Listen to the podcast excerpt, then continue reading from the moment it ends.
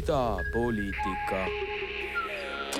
tere, tere, tere kuulama Idapoliitika saadet, mina olen Mariann Võsumets ja ma tean, et me lubasime eelmises saates Matsiga, et me teeme selle saate koos.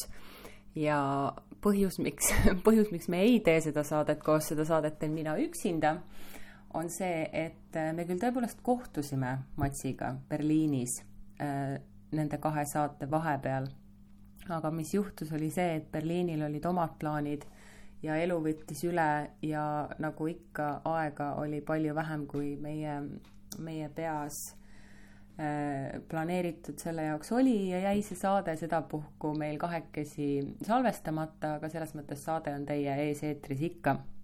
lihtsalt seekord üle pika aja ilma Matsita ja ainult minu vedamisel, millest ma loodan, et keegi väga meelt ei heida selles saates ma toon teieni kaks intervjuud. Ähm, pikem intervjuu on Tallinna abilinnapea Joosep äh, Vimmaga, kes siis äh, selle nädala esmaspäeval rääkis ka Aktuaalsele Kaamerale äh, lähematest plaanidest seoses Tallinnasse rajatava filmilinnakuga. aga enne seda mm, on mul hea meel teile tuua intervjuu Hanna Lahega, kes on Eesti, kes oli Eesti delegatsiooni nii-öelda noor delegaat siis äsja Egiptuses Sharm el Sheikhis toimunud kliimakonverentsil COP kakskümmend seitse. ja minu meelest see on väga huvitav formaat saata siis kaasa koos iga riigi delegatsiooniga, delegatsioonid koosnevad siis äh, ministeeriumitest, ettevõtetest ja MTÜ-dest, saata siis kaasa ka selline noor, ma ei tea, kliimahuviline tundub kuidagi nagu pisendav pisendav tiitel sellele, aga ma ei saa öelda ka kliimaaktivist, sest nagu Hanna intervjuus ütleb, siis aktivistiks ta ennast ei pea, ta peab ennast ikkagi kliimapoliitikuks või, või poliitikakujundajaks või vähemalt tulevaseks poliitikakujundajaks. nii et selline huvitav intervjuu on mul teile ka tuua. ja ega siis midagi äh, seda, kuidas idapoliitika tuleval aastal jätkab me Matsiga teile ilmselt peagi teatame, sest et see kõik on veel läbirääkimistes, aga ühel või teisel kujul ma arvan, et nii mina kui Mats Ida raadiolainetel jätkame. Ja nii et seda muret ei ole. võimalik, et, võimalik, et on teie ees tulevast aastast alates kaks erinevat saadet, üks Londoni, üks Londonist, teine Berliinist. Ja vastavalt siis ka vastava nii-öelda sellise niši või suunaga, aga võib-olla jääb idapoliitika alles ja lihtsalt tuleb teie ette natuke teistsugusel kujul. aga, aga alustame intervjuudega ja andke andeks, ma tean, et inimesed jagunevad laias laastus kahte lehte, et ühtesid väga häirib audio kvaliteet Zoomis salvestatud intervjuude puhul mina olen üks neist keda see häirib. nii et ma palun selle eest juba ette, ette vabandust, aga loeb ikkagi sisu ja ma loodan, et, ma loodan, et te olete meiega kuni selle saate lõpuni. ja kohtume juba kahe nädala pärast, aga enne seda siis äh, tänased, tänased intervjuud Hanna Lahe ja Joosep Vimmaga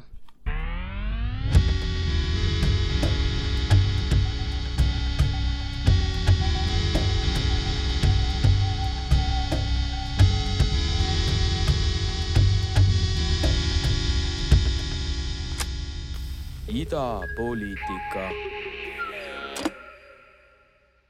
ja nüüd on minu vestluskaaslane Hanna Lahe, kes oli noordelegaadina siis äsja toimunud COP kahekümne seitsmel ise kohal koos Eesti delegatsiooniga. kõlab see kõik väga põnevalt, noordelegaadi saatmine koos Eesti delegatsiooniga siis COP kliimakonverentsile ehm, on üsnagi pikk traditsioon paljudes teistes riikides, aga Eestis minu teada, Hanna, toimus see vist alles kolmandat aastat, kui saadeti noor delegaat kaasa. on, on mul õigus? ja tere, Mariann. Äh, tõesti, mina olen äh, enda teadmiste kohaselt vähemalt küll äh, kolmas delegaat, kes on siis Eesti delegatsiooniga COP-il kaasas käinud ja ma loodan väga, et Äh, järgmistest aastatest alates meil see äh, kliimadelegaadi rolli sisu natuke täieneb, et saaks Eesti noori veel paremini esindada siis kliimapoliitikas. ja minu meelest on see väga tänuväärne algatus ja mul on väga hea meel, et selline entusiastlik inimene sinu näol on saanud seal käia. ma küsin kohe peagi ka selle kohta, mis sind ennast äh, motiveeris, sest et ma saan aru, et sinna noordelegaadiks saamisele eelneb konkurss ja sinna sugugi mitte igaüks minna ei saa. Ja kindlasti peab sellele eelnema huvi ja teadmine, aga võib-olla mis su selline üldine mulje sellest meeleolust seal Egiptuses, Sharm el Sheikhis, kus COP kakskümmend seitse toimus, kas sa tulid sealt tagasi Eestisse sellise positiivse ja lootusrikkana või pigem pessimistlikumana, kui sa sinna läksid, arvestades just seda, kui palju oli COP-il tänavu aasta rohkem kui kunagi varem, siis äh, tööstuse esindajaid ja erinevate erinevate tööstusfirmade lobiste, et millise tundega sa sealt tagasi tulid?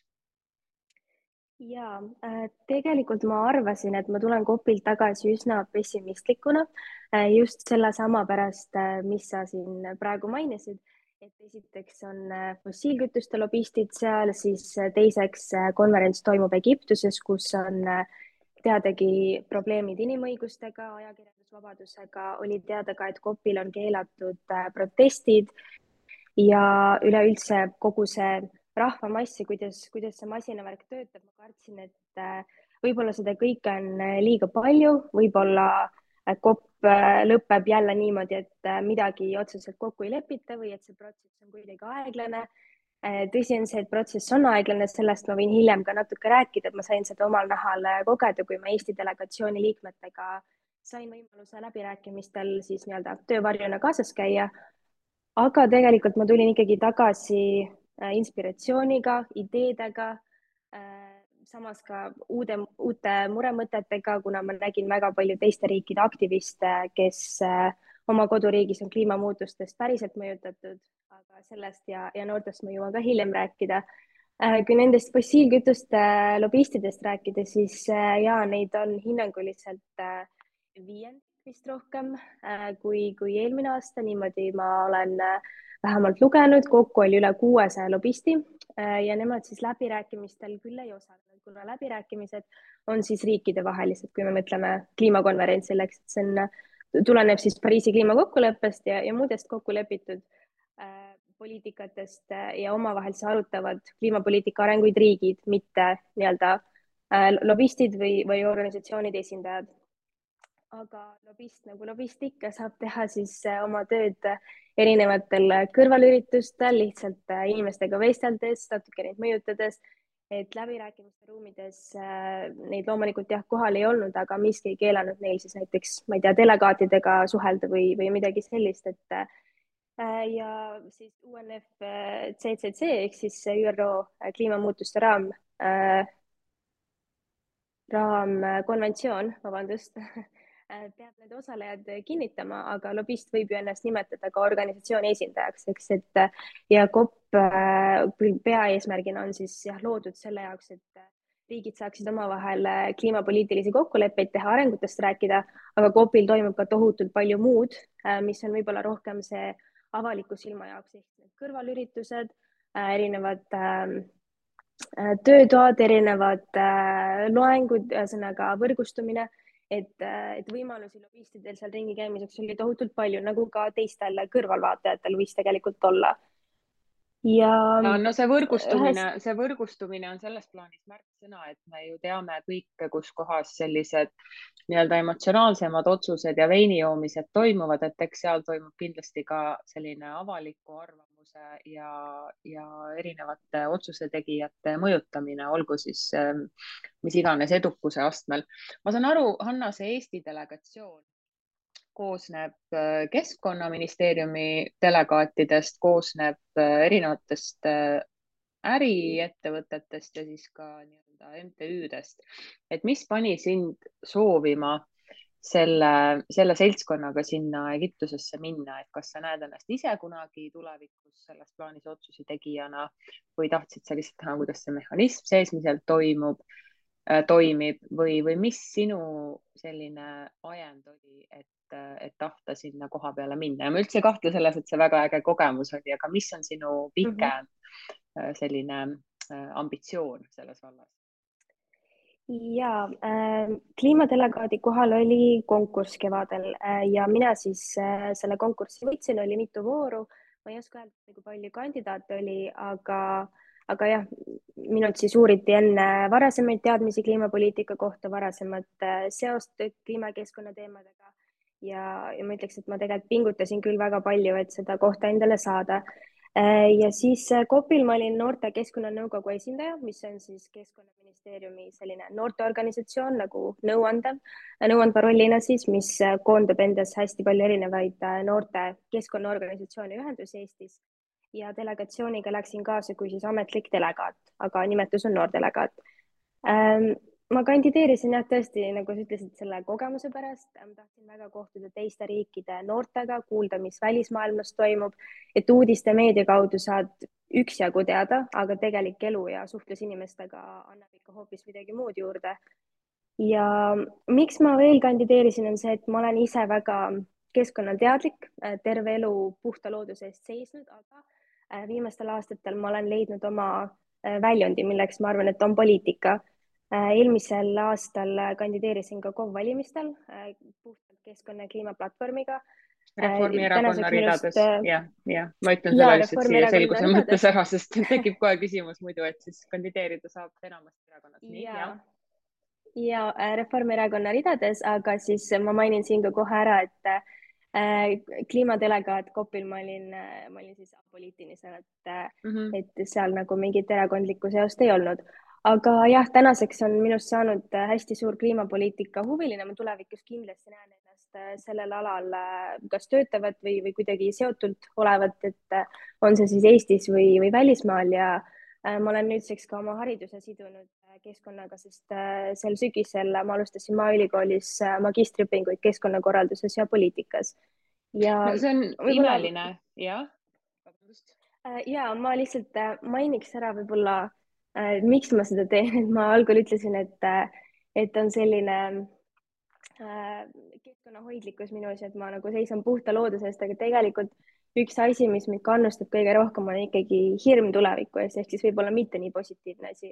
Ja kindlasti soov otsustajaid mõjutada äh, kuna praegu poliitikud äh, mitte ainult Eestis, aga terves maailmas, nad ei pööra kliimakriisile ega probleemidele tähelepanu see ongi seesama põhjus, miks noored viskavad purgisuppi, miks me streigime, äh, miks me teeme kõike seda, mida me teeme, et lihtsalt äh, meil on tarvis tähelepanu ja ma arvan, et vähemalt mina olen sellel seisukohal, et äh, meil ei ole enam tarvis poliitikuid kritiseerida, vaid me võiks ise ka poliitikasse minna, et need otsustajad olla mm. -hmm. seda kõike on imeline kuulda, mul on väga hea meel, et ja ma üldse ei kahtle, et, et selliseid noori me teame, on, on nii Eestis kui ka mujal maailmas veel ja veel ja seda kõike on väga, väga selles mõttes nagu innustav, innustav kuulda ja selles ma üldse ei kahtle, et need otsused ühel hetkel ka põlvkondade vahetudes hakkavad minema radikaalsemaks just selles suunas, et tõesti looduse ja vähem tööstuse eest seista. tuleme tagasi selle kopi juurde äh,. arvestades ka sinu praegusi õpinguid ja sinu ähm, sinu tausta ja sinu teadmisi, siis nii-öelda praktilisema poole pealt, et mis siis on see, mis sulle hetkel lootust annab, mis konkreetsed lepingud või otsused seal kopil vastu võeti, mis on selle kopi suurim saavutus, kui sa peaks selle kuidagi niimoodi kokkuvõtlikult kokku võtma? ja äh, selle kopi suurim saavutus või kokkulepe on kindlasti seotud siis äh, kaotuste ja kahjude rahastamisega, inglise keeles selline termin nagu loss and damage ehk siis äh, kuidas me toetame neid riike, kes kliimamuutustest on juba ammu mõjutatud seotud olnud ja kuidas me korvame neile neid kahjusid, et me räägime just siis, kuidas arenenud maad saavad arengumaid toetada. Äh, kui ma Kopil olin, siis ma kohtusin väga paljude noortega, äh, ka täiskasvanutega, aktivistidega, kes on pärit näiteks Aafrikast, Aasiast ja Lõuna-Ameerikast, mis äh, mandritena on kõik kliimamuutustest äärmiselt, äärmiselt mõjutatud juba täna, kus kliimamuutused nõuavad inimelusid ja üks aktivist näiteks, kellega ma sain heaks sõbraks, tema kodu oli üle ujutus ära uhtunud. Ja aktivist Keeniast, äh, tema küla oli põua tõttu söögita jäänud, ehk siis äh, meil siin Põhjamaades näiteks on hoopis teised probleemid, kliimamuutused on tohutult abstraktsed, aga me peame hakkama äh, päriselt ka tegelema siis kliimamuutuste tekitatud kahjude korvamisega, sest teistes riikides on mõju äärmiselt tunda ja no paraku on niimoodi, et pikk tee seisab ees, ma arvan, eriti Eesti ühiskondlikku konteksti arvestades just inimestele selgitamisega, et miks see meie jaoks oluline on ja miks meie ennast kuidagi peaksime osalistena selles nägema, et ma arvan, et nii-öelda sellistes informeeritud ringkondades ei ole see enam teema, mis veenmist nõuab, aga kindlasti kindlasti nii-öelda sellise avaliku arvamuse kujundamine selles valdkonnas on äärmiselt raske, arvestades seda, et Eestis on jätkuvalt toimetulekuprobleeme väga paljudel inimestel ja selle nii-öelda loss and damage rahastamisega noh, see eeldab ikkagi riikide poolt, eks ole, panuseid on ju, ja ma arvan, et selle idee mahamüümise ja selgitamisega on, on väga pikk tee veel minna, aga Hanna, suur tänu sulle äh, selle intervjuu eest ja kindlasti saab sinu tegemistel silma peal hoida, kus täpsemalt, kirjutad sa ka meedias aeg-ajalt, pead sa mingisugust blogi, kus me sinu tegemistega kursis saame olla? ja äh, kirjutasin oma Coopi kogemusest tegelikult äh, artikli Delfi roheportaalis, sealt võib natuke lugeda, see on küll üsna kriitiline, aga ma siiski soovitan lugeda, seal tuleb erinevaid asju veel välja Coopi kogemuse osas, mida ma siin ei jõudnud käsitleda äh,. kindlasti soovitan jälgida Äh, siis Noorte Keskkonnanõukogu äh, kontosid nii Facebookis kui Instagramis ja minu isiklikud äh, kontod on, on ka igal pool leitavad, nii poliitilised kui mittepoliitilised, lihtsalt at Hanahlahe no lõpetuseks ma korra intrigeerin võib-olla ka, võib-olla intrigeerin, ma ei tea, kas sa pigem ennast pead ise kliimaaktivistiks või kliimapoliitikuks? see on tõesti intrigeeriv küsimus. ma, ma arvan, et ma pigem võiks ennast pidada kliimapoliitikuks, sest äh, meil on väga palju kliimaaktiviste nii Eestis kui maailmas, kes, äh, kes võiksid ennast ausamalt selle tiitliga pärjata, et mina ei käi näiteks reedeti äh, streikimas, mina ei ole olnud osa Eestis näiteks õlitehase kohtu case'ist, et, et kõik sellised tohutult tänuväärsed asjad, mida aktivistid teevad, ma paraku ma arvan, ma tegelen pigem poliitilise poolega sellise nii-öelda rohenügimisega, kui nii võib nimetada. mitte, et see halb oleks, aga ma arvan, et mul on natuke teine suund ja tulevikus ma tahaks kindlasti poliitikakujundajad ja aktivistid omavahel kokku tuua, sest äh, praegu mulle tundub, et nende vahel on selline hirmus suur maa ja üksteisest ei saada paraku üldse aru no väga tore on selle noodiga lõpetada, minu meelest on tõesti hädavajalik, et meil oleks inimesi ja, ja, ja nügijaid mõlemal poolel, nii aktivismi poolel kui poliitika kujundamise poolel. aitäh veel kord, Hanna, selle intervjuu eest ja palju edu sulle sinu tegemistes ja jääme siis huviga ootama ähm, järgmisi samme ja, ja nii-öelda Eesti sellist ähm, eestvedamist antud, antud küsimuses. ja aitäh intervjueerimast, kõike head.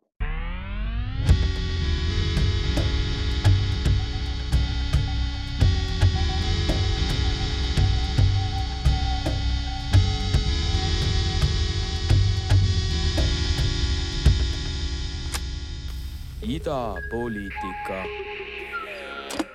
ja mul on väga hea meel öelda nüüd tere Joosepile. Joosep Timm on Tallinna abilinnapea eh, ja Sotsiaaldemokraatliku Erakonna liige ja me vaatasime, me salvestame seda intervjuud esmaspäeva õhtul ja Vabariigi president Alar Karis on just lõpetanud ehm, ETV otse-eetris oma lühikese pöördumise milles ta teatas, et Riigikogu valimised tuleval aastal leiavad aset viiendal märtsil. Joosep, sina vaatasid ka seda pöördumist.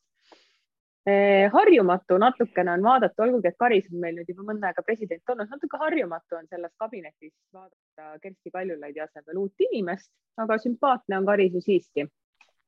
ta tegi ka mõningad sellised väikesed nagu suunamärkused valijatele, kuidas siis nagu aru saada, keda valida ja tuleb kahelda ja küsida ja mõelda. kas sulle sümpatiseeris see pöördumine? tere kõigepealt ka ja mm, see oli selline soliidne pöördumine, minu meelest väga iseloomulik äh, Karisele, et äh, ta viitas minu arust kaks kõige sellist olulisemat asja, millele ta viitas. Äh, üks neist oli see, et Eestis jätkuvalt kehtib põhiseadus, et äh, kõik sellised lubadused, mis sellega vastuollu lähevad, et äh, need eeldavad oluliselt laiemat äh, siis kokkulepet ühiskonnas, sest see eeldab ka põhiseaduse muutmist. et, et tasub nii-öelda seesama see kahtlemine ja küsimine, et tasub alati ka selle peale mõelda, et kas, kas ja kui realistlikud need lubadused on. Ja teine asi, millele ta viitas, oli see selline justkui kahe suure duelli hoiatus, et see ei ole kahe suure duell. et, et tegelikult on ka paljud politoloogid just rääkinud sellest, et ütleme siis eks, jah, äärmuste ekstremismi võidukäik tavaliselt tuleb niisugusest äh, suurest polariseerumisest ja noh, seda me näeme näiteks Ameerika Ühendriikides väga-väga ilmekalt. Ja noh, tegelikult ka Eestis on see oht äh, samamoodi olemas, et kui lõpuks hakatakse ainult kahe äh, suure taha koonduma, siis oht, et sellised äh, väga äärmuslikud ja polariseerivad äh, seisukohad ja, ja, ja jõud saavad võimule, et noh, siis, et, et see oht suureneb. mitte, et me täna veel päris seal oleksime, aga, aga kindlasti noh, tasub meeles pidada, et äh, meil on äh, mitme partei süsteem ja, ja lõppkokkuvõttes uus koalitsioon oleneb üldiselt ikkagi mitmest erinevast osapoolest. mind paneb natuke mõtlema see kahe suurema klišee, et me ju teame reitingute järgi praegu Eesti, noh, ajalooliselt on see viide kehtinud Reformierakonna ja Keskerakonna, Keskerakonna kohta. tänasel päeval kaks Eesti suuremat parteid on Reformierakond ja EKRE. et mm, -hmm. et noh, millest me siis nüüd nagu räägime, et kas president on nüüd natukene kuidagi ajast maas oma viidetega või minule jäi see selles mõttes nagu segaseks, et ma saan aru, mida ta öelda tahtis, aga minu meelest see reformi ja keski nii-öelda nagu poolustele seadmine, see ju ei päde enam, sellepärast et kui tekib olukord, et märtsis võidab, võidab Reformierakond, eks ole, ma ei tea, EKRE teeb hea tulemuse, siis kui ja, ja, ja võib-olla noh, oleneb, mis seal ülejäänutest saab, aga meil on väga reaalne võimalus, et kui tuleb uuesti EKRE valitsus, siis saab president äh,, saab peaministriks Martin Helme, mitte Jüri Ratas. et minu jaoks see on nagu natukene eksitav ja iganenud arusaam sellest, et mingi reformi keski mingi võitlus, et ähm, noh. ei, ta viitas, jah, no praegune võitlus on ikkagi, see ongi seesama selline suhteliselt ikkagi äh, noh, kahes oluliselt tugevamalt kahes äärmuses äh, erakonna vaheline vastandumine, mille nad on, need kaks erakonda ka minu meelest teadlikult võtnud, see on väga ilmekalt ka välja paistnud nii EKRE kui Reformierakonna sõnavõttudes. et noh, see on, see on nende teadlik valik, eks vastandumine aitab äh, üldiselt suhteliselt hästi Äh, mobiliseerida oma valijaid ja tegelikult äh, ütleks nii, et eriti pärast seda, äh, seda eelmist valitsust EKRE-ga või noh, seda ainsat valitsust EKRE-ga, mis meil on olnud. Ähm, noh, ütleme nii, et, et see mõjub valijale, sest ega need, kes toetavad teisi erakondi, ükskõik millised need siis on peale, ütleme siis nii-öelda selles EKRE vastases äh, justkui leeris äh, peale siis Reformierakonna, et paljud äh, hetkel aina rohkem kardavad seda, et tuleb anda sellele kõige tugevamale igaks juhuks hääl, sest muidu võib juhtuda kõige hullem jälle. ma arvan, et see oli see, millele ta viitas. ja noh, tihtilugu, kui sellise tulemusena kõik noh, ütleme, et see ei ole ühe valimistsükli kindlasti protsess, et kui sellise tulemusena lihtsalt pikaaegselt enamik teised erakonnad välja surevad, ja me jõuamegi sellisesse de facto kahe partei süsteemi, et noh, siis äh, on see selline kaevikutesse kaevumine ja, ja, ja leppimatu polariseerumine ilmselt äh, kerge tulema, et noh, me näeme sedasama viide, et tegelikult äh, Ameerika Ühendriikidele, kus kunagi olid demokraadid ja vabariiklased oluliselt lähemad üksteisele, aga, aga aja jooksul on ikkagi see selline kestmine neil mõlemal äh, oluliselt teineteisest eemaldunud, mis tähendab seda, et väga palju enam sellist valijate ühelt poolt teisele poole kõikumist ei ole ja, ja väga dogmaatiliselt ollakse nii-öelda vastaserakonna vastu. ükskõik siis, mida siis enda nii-öelda erakond või see nii-öelda sinu poolehoidu, poolehoidu saanud erakond teeb. et noh, ma arvan, et lõppkokkuvõttes igasugune radikaalne polariseerumine ühiskonnas noh, ei too kellelegi kasu, sest et kui kõik need vahepealsed toonid hakkavad ära kaduma, siis, siis muutub asi väga mustvalgeks ja, ja noh, tekib olukord, et kui sa ei ole minu poolt, siis sa oled minu vastu ja, ja noh, ma arvan, et seda ei ole meie ühiskonnas vaja, et meil on niigi palju muresid, mida lahendada. ja samas on, ma saan ka aru inimeste nagu sellisest soovist aga kimbatusest samamoodi selle nii-öelda strateegilise valimise ees mm. -hmm. strateegiline valimine on tegelikult ikkagi nagu selline loto ja selline nagu noh, natukene niisugune nagu gamble, et sa võid ju mhm. mõelda, et okei okay,, ma olen muidu alati, noh, ma tean üks selliseid nagu klassikalisi võib-olla nagu, nagu selliseid noh, mõttekäike võib-olla see, et okei okay,, et ma olen alati valinud, ma ei tea, ma tahaks valida Eesti kahtesadat või ma tahaks valida sotse, aga nad on nii väikesed, et ma igaks juhuks valin Reformi, et jumala eest ei tuleks EKRE, et see on nagu niisugune noh -hmm., nii-öelda etteaimatav mõttekäik on ju. aga aga millised ohud lisaks sellele, et sa, mida sa praegu mainisid, kas noh, ma mõtlen, et kui siis ikkagi hääletada nii-öelda oma selle lemmikerakonna poolt, et siis võib ikkagi ka tekkida olukord, kus ei suudeta kokku leppida ja võib ikkagi tulla mingisugune nii-öelda ebademokraatlik äh, koalitsioon lõpuks kokku või ebademokraatliku peaministriga koalitsioon, et ega siin ühe, ühtegi sellist olukorras, kus meil on nii-öelda üks ekstreemne erakond väga jõudsalt kasvanud, ei ole tegelikult ühtegi kindla peale minekut, nii et see nii-öelda lõppsoovitus ikkagi, ikkagi valida siis südametunnistuse järgi.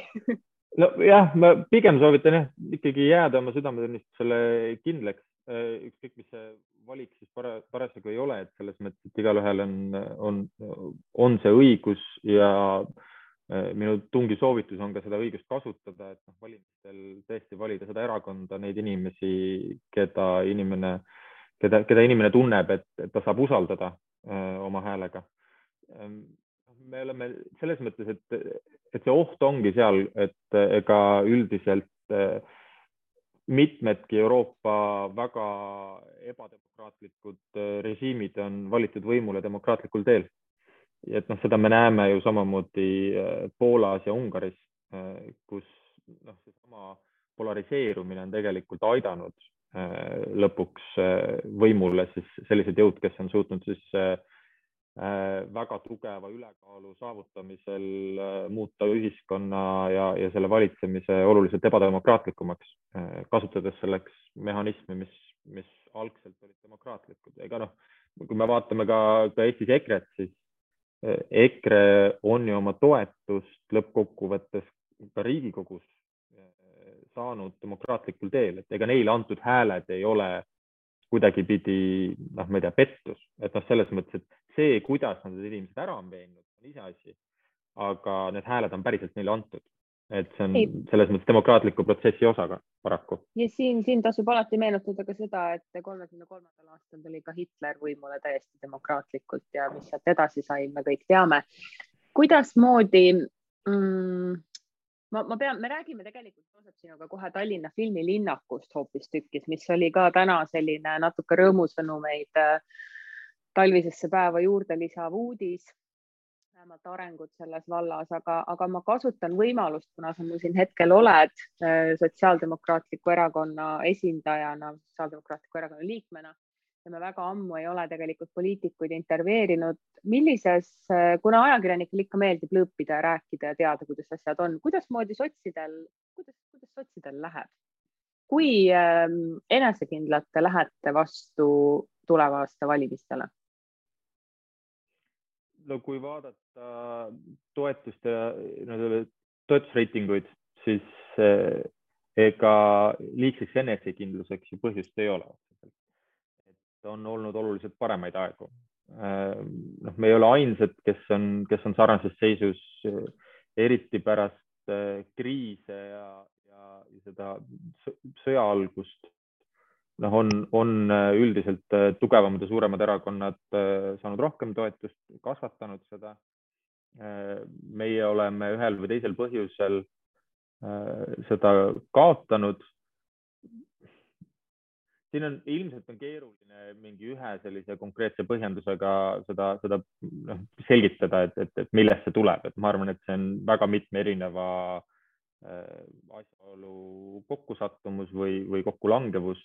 Noh, ilmselt on see, ütleme siis ka tuleb endale tuhka pähe raputada, et me ei ole piisavalt valijale suutnud äh, oma poliitikaid ja oma seisukohti selgitada selliselt, et see nende, nende kindlat tuge saaks. samal ajal noh, teades, et, et kõik uuringud näitavad, et sotsiaaldemokraatide valijad, nad on üpriski nende maailmavaateliselt nad on üpriski kergesti, see on siis, ma ei tea, kas seda on õige öelda, aga nagu ära solvatavad. et, et noh, neil, neil ei, neil on ikkagi nende see, see selline moraali lävend ja, ja õiglustunde lävend äh, nende jaoks õigete või valede otsuste juures on, on suhteliselt madal. et äh, nad eeldavad väga kõrgeid äh, eetikat kõikides käitumistes ja otsustes. Ja, ja ilmselt on, on siin erakonna juhtivad poliitikud aastate jooksul teinud teatavaid otsuseid, kus, kus siis järelikult on valija mingil põhjusel pettunud endas. et ähm, noh, see on reaalsus. kindlasti me hetkel töötame selle nimel, et valimistel teha võimalikult hea tulemus. tulla välja selge sõnumiga, ma saan aru, on see, mille nimel te töötate? Ka selge sõnum tuleb, selge sõnumiga tuleb välja tulla ja, ja, ja selgelt pakkuda ka sellist mõistlikku ja, ja tasakaalukat alternatiivi nendele teistele valikutele et, ähm, et, äh, et see, noh, mina usun, et Eesti riik ja ühiskond vajab sotsiaaldemokraatiat. Äh, ma olen äh, selles mõttes, ma ei oleks muidu ju sotsiaaldemokraatlikus erakonnas. ma usun, et seda erakonda on ka tulevikus vaja. aga eks see sõltub väga paljuski sellest, millist tööd mina ja teised meie erakonna poliitikud teevad ja kui hästi me suudame ka valijat veenda. sest noh, teine koht, mis valijatega on, et isegi kui nad ei loobu toetamast erakonda, siis oluline on ka valimistel välja tuleksid.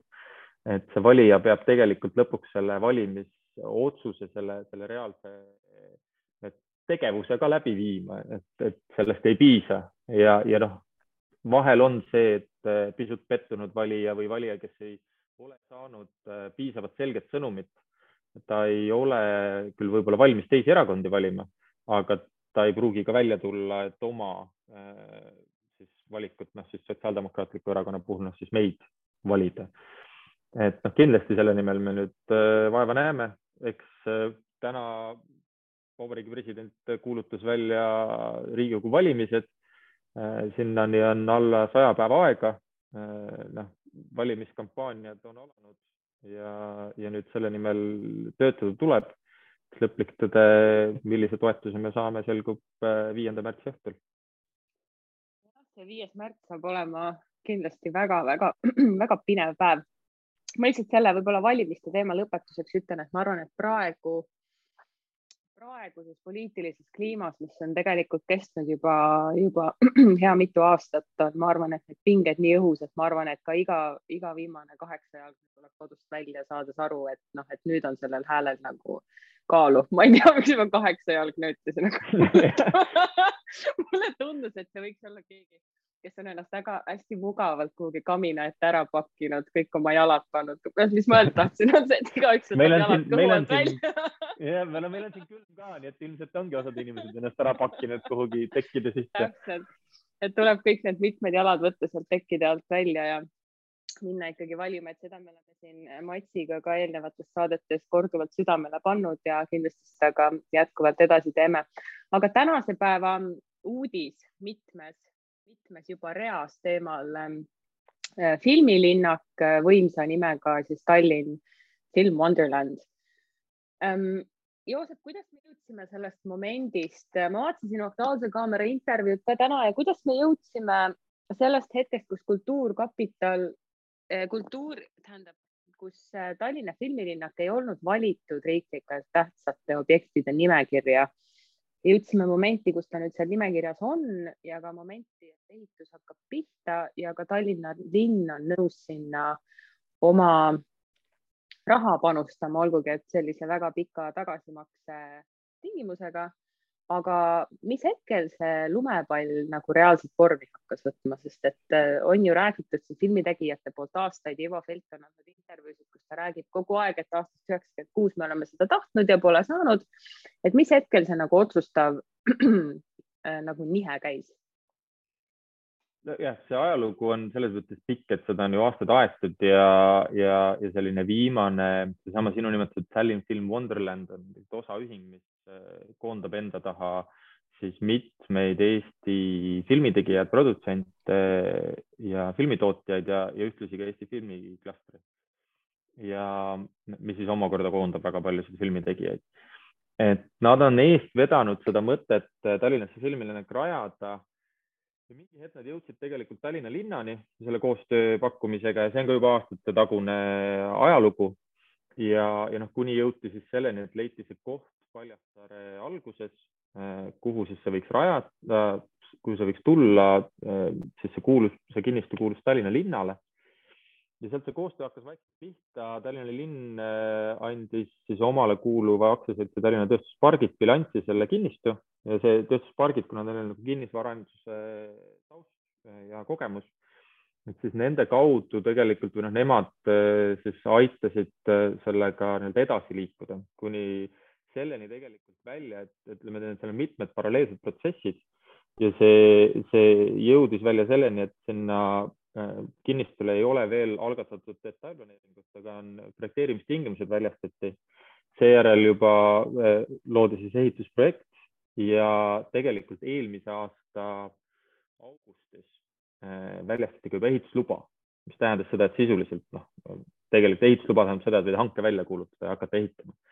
küsimus on kogu aeg olnud selles, et kust see raha tuleb, sest äh, ütleme, et sellest projektist, millega algselt hakkasid äh, need filmitegijad äh, ringi käima, et mida võiks teha.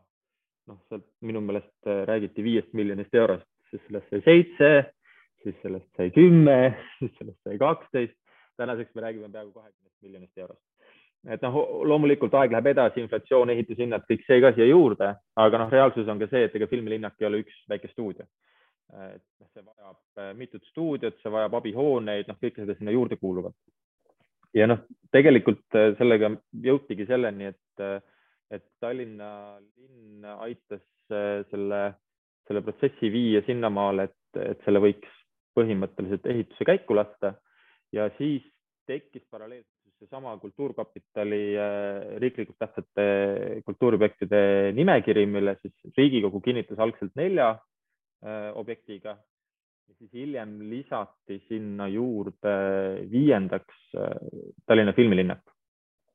nüüd äh, seni kehtis siis see Kultuurkapitali seadus, mis ütles, et korraga on võimalik ehitada või rahastada siis kahe objekti, kahte objekti korraga ja et neid võib, noh, need tuleb rahastada ikkagi selles järjekorras, ehk siis enne ei saanud teist-kolmandat hakata rahastama, kui esimene oli täiesti nagu juba ära rahastatud. mis tähendas seda, et arvestades neid tuluprognoose ja seda, mis seisus on need eelnevad projektid äh, ka praeguses selles nimekirjas, siis meenutuseks, et eelmises nimekirjas oli Kumu, ERM ja siis äh, Muusika- ja Teatriakadeemia siis uus hoone. et, äh, et noh, kui need said rahastatud, siis võeti uus nimekiri ette, aga selle uues nimekirjas on väga erinevas seisus objektid ja üldse mitte selles järjekorras, kui valmis nad on ehitama, et Rakveres oldakse seda Pärdi keskust, ma võin selle nüüd nimega eksida, aga, aga, aga seda ka sisuliselt sama valmis ehitama, kui me Tallinnas filmilinnakut oleme ehitama.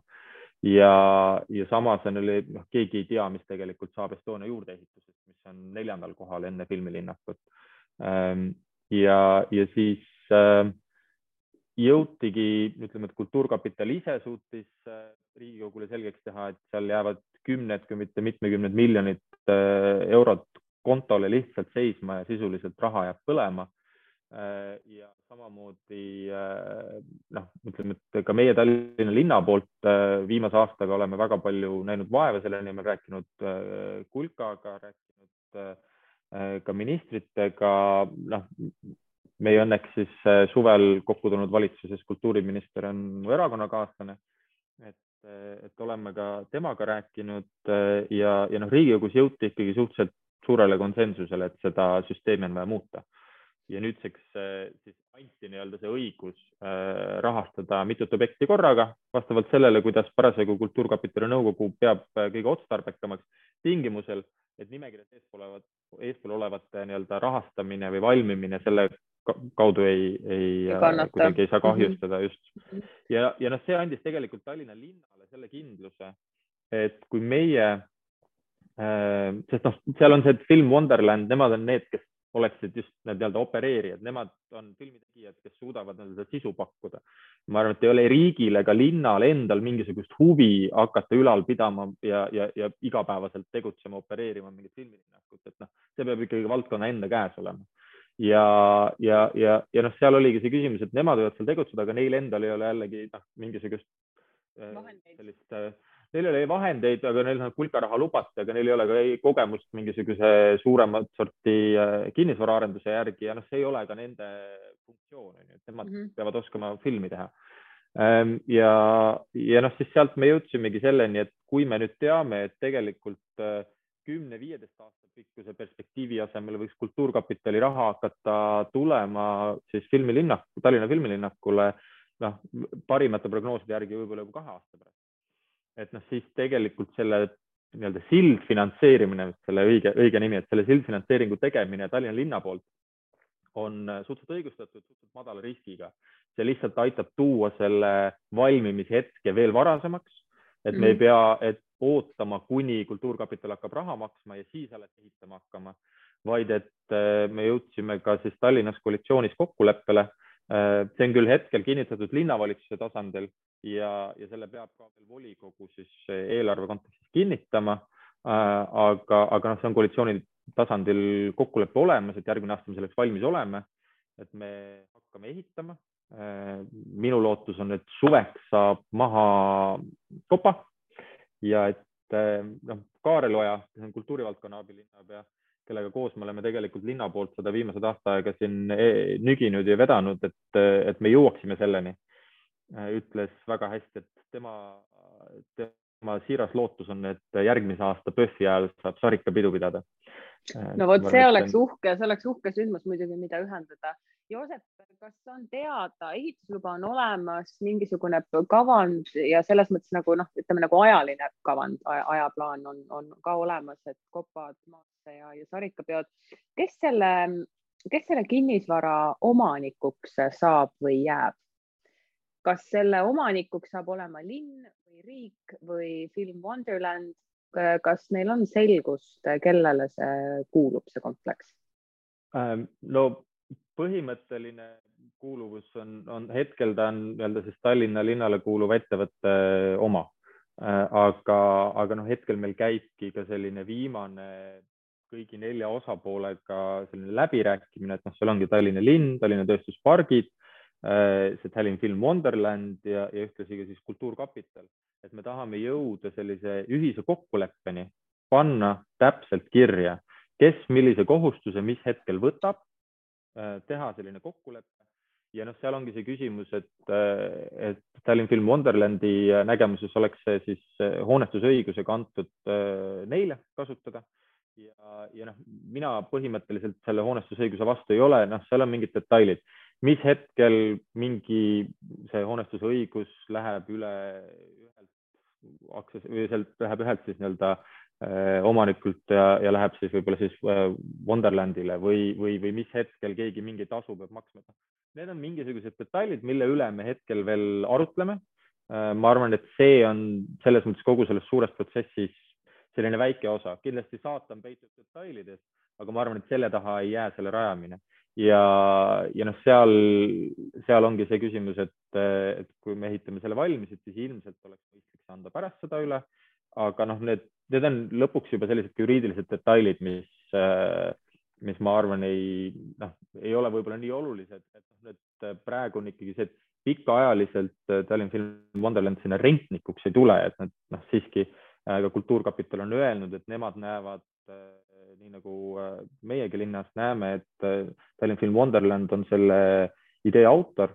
Äh, nemad on seda eest vedanud ja, ja noh, kellelgi teisel ei ole nagu huvi seda, seda üle võtta. et noh, kindlasti peavad seal olema ka mingisugused sellised kokkulepped, et mis juhtub siis, kui neil mis iganes läheb halvasti, on ju. et mis saab siis, kui ettevõte ühel või teisel põhjusel läheb pankrotti, kui ma ei tea, osanikud lähevad omavahel tülli, noh kõike võib juhtuda, seda peab natuke Mhm. ette nägema, on mõistlik see kuskile paberile kirja panna, et millised Mhm. on need kokkulepped sellisel juhul. aga noh, meeles peab ka pidama seda, et äh, nii-öelda see Tallinna filmilinnak, millest me täna räägime, mis on iseseisvalt täiesti võimeline filmilinnakuna toimetama, ei ole nagu veel kogu pilt, et noh, tegelikult see visioon on pikaaegsem ja oluliselt suurem, et see päris mitmehektariline kinnistu seal, et ainult ikkagi see tänane Tallinna filmilinnaku osa läheks siis nende kasutusse, et see ülejäänud edasiarendus, et noh, see on nüüd küll hetkel ei oska öelda, kes, kes seal lõpuni seda teeb. praeguse, praeguse sellise arvestuse järgi ilmselt Tallinna Tööstuspargid jätkab selles mõttes seda arendust, et seal on vaja nüüd see detailplaneering ikkagi algatada ja, ja, ja ka siis viia siis kehtestamiseni, et oleks kindel perspektiiv, mis sinna tuleb, kas sinna, millised ja kui palju tuleb sinna veel stuudiohooneid, milliseid täiendavaid abihooneid, milliseid muid funktsioone sinna tuleb, sest noh, sinna tegelikult tast saab uus värav Paljassaarele ja see, see värav peab olema ka osaliselt mingis osas avatud avalikkusele, et noh, ta ei Ja oleks sinna- selline suletud kompleks ainult. Ja sinna ümber ju tegelikult äh, Paljassaarde, me teame, kerkis paari aasta eest ka Naked Islandi nii-öelda loomelinnak, eks ole, et see Paljassaare tundub nagu selline niisugune uus äh, arenev äh, piirkond, ma saan aru, sinna ümber on plaanis ehitada siis ka nii-öelda elamurajoon ja ühesõnaga Paljassaare on uus, uus tärkav osa Tallinnast ja loodetavasti see on, see on ka elementaarne, arvestades, kui sinna uut infrastruktuuri hakkab tulema, siis võiks sinna mm -hmm. Mhm. ka elu järgneda Joosep, aitäh seda nii-öelda poliitilist äh, kardinat kergitamast äh, selle osa pealt, kuidas me siis tänaseni siia jõudnud oleme. suur töö on kindlasti tehtud ja tore, et seda projekti on edasi veetud. ma usun, et filmitegijad on selle üle väga rõõmsad. palju, mina sealhulgas ja, ja me kindlasti, ma tahan öelda seda, et idapoliitika kultuurist hooliva poliitikasaatena kindlasti leiab mahti ka kutsuda ühe filmitegija siis nii-öelda omapoolset rõõmu ja, ja kindlasti ka kõhklusi jagama, et mida selle kõige poolt siis oodata. sa soovisid midagi veel, Joosep, öelda? Ja ma tahtsin öelda, et palju tööd on tehtud, aga väga palju tööd on veel kindlasti ees. Ja, ja ei tasu ära unustada, et see ei ole puhtalt äh, kultuuripoliitiline asi, et tegelikult Eesti filmitegijad on, on väga kõrgel tasemel ja seal on väga suur potentsiaal, see on tõeline, see on tööstus, see tegelikult on tööstusharu toota filme ja, ja seal on väga palju potentsiaali ja, ja uusi töökohti ja ka väljaspool filmi, filmitööstust ennast, turismis, majutuses, kõiges selles. et tegelikult see on väga oluline asi. just täpselt, Eesti Filmi Instituut on ju isegi arvutanud välja, minu meelest see on eelmise aasta, eelmisel aastal avaldatud ja siis varasemate aastate, aastate andmete põhjal, et iga Eesti filmi, iga välismaa filmiproduktsioon, kes on Eestis käinud oma äh, projekti filmimas, on ühe Eestisse üks investeeritud euro on toonud Eestile tagasi kuus koma kolm eurot. selline suurusjärk võib, võib see siis ja. olla, millega arvestada. Joosep, suur aitäh sulle selle intervjuu eest. ja sulle. jõudu tegemisteks siis Tallinna linnavalitsuses ja edu valimistel. Läheb tarvis.